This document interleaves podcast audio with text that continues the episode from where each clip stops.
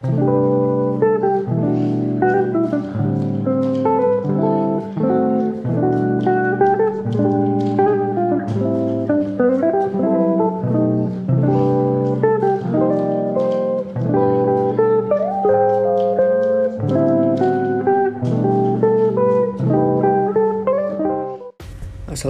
warahmatullahi wabarakatuh. Halo semuanya. Sekarang kita masih berada di masa pandemi. Sebagai pelajar, aktivitas sekolah kita dibatasi dan hanya dilakukan dari rumah. Sudah sekitar 9 bulan sejak awal pandemi ini terjadi. Setiap hari kita menatap layar laptop pagi sampai sore, dan pasti mata kalian merasa capek karena terus-terusan menatap layar laptop. Penggunaan laptop sudah menjadi bagian dari kehidupan sehari-hari yang nggak bisa kita lewatkan. Kalian tahu nggak kalau sinar biru itu merupakan satu dari banyak warna yang terpancar dari sinar matahari. Namun, sinar tersebut juga ada yang dibuat oleh manusia, yang terpancar dari layar HP, laptop, atau alat elektronik yang lainnya. Sinar biru buatan memang jumlahnya lebih sedikit dibandingkan yang berasal dari cahaya matahari.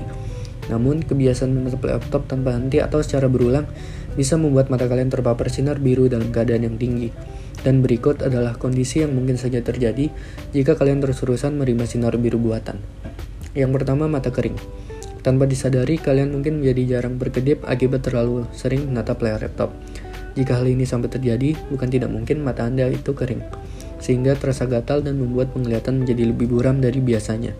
Untuk mengatasi mata kering, cobalah untuk berkedip lebih sering lagi, dan alternatif lainnya Anda bisa menggunakan tetes air mata buatan untuk melembabkan dan membasahi mata secara berkala. Yang kedua adalah mata lelah. Mata lelah juga bisa terjadi akibat terlalu lama menatap layar laptop.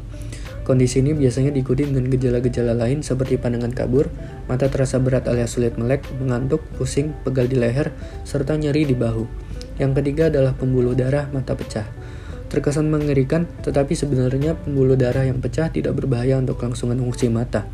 Karena kalian terlalu fokus menatap layar laptop, biasanya otot bola mata akan tegang dan mengakibatkan pembuluh darah mata pecah.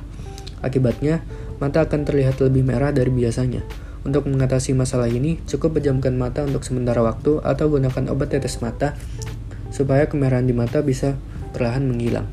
Yang keempat adalah mata minus. Ini adalah dampak jangka panjang dari menatap layar laptop. Mata minus atau dikenal juga sebagai miopia atau ribun jauh adalah kondisi mata yang tidak mampu melihat objek yang letaknya jauh. Mata minus dapat diatasi dengan penggunaan kacamata minus atau lensa kontak. Meskipun begitu, mata minus juga berpotensi menyebabkan peningkatan risiko penyakit mata lain seperti glaukoma, terlepasnya sel-sel retina, hingga kebutaan permanen. Yang kelima adalah kebutaan. Mungkin ini terdengar mengerikan, namun risiko ini merupakan risiko jangka panjang dan mudah untuk dihindari. Studi yang dilakukan di dalam laboratorium menunjukkan efek buruk dari sinar biru terhadap retina mata. Sinar ini diperkirakan dapat merusak sel-sel dalam retina yang sensitif terhadap cahaya. Akibatnya, muncul perubahan serupa dengan menurunnya fungsi makula yang terletak di bagian belakang retina. Dengan kata lain, Paparan sinar biru berulang dan dalam waktu berkepanjangan berpotensi menyebabkan kehilangan penglihatan alias kebutaan. Alias kebutaan. Nah, setelah mendengar beberapa kondisi sebelumnya, kalian jangan khawatir karena berikut adalah beberapa tips untuk menjaga kesehatan mata kalian. Yang pertama, atur jarak laptop menjadi 50 sampai sampai 70 cm dari wajah.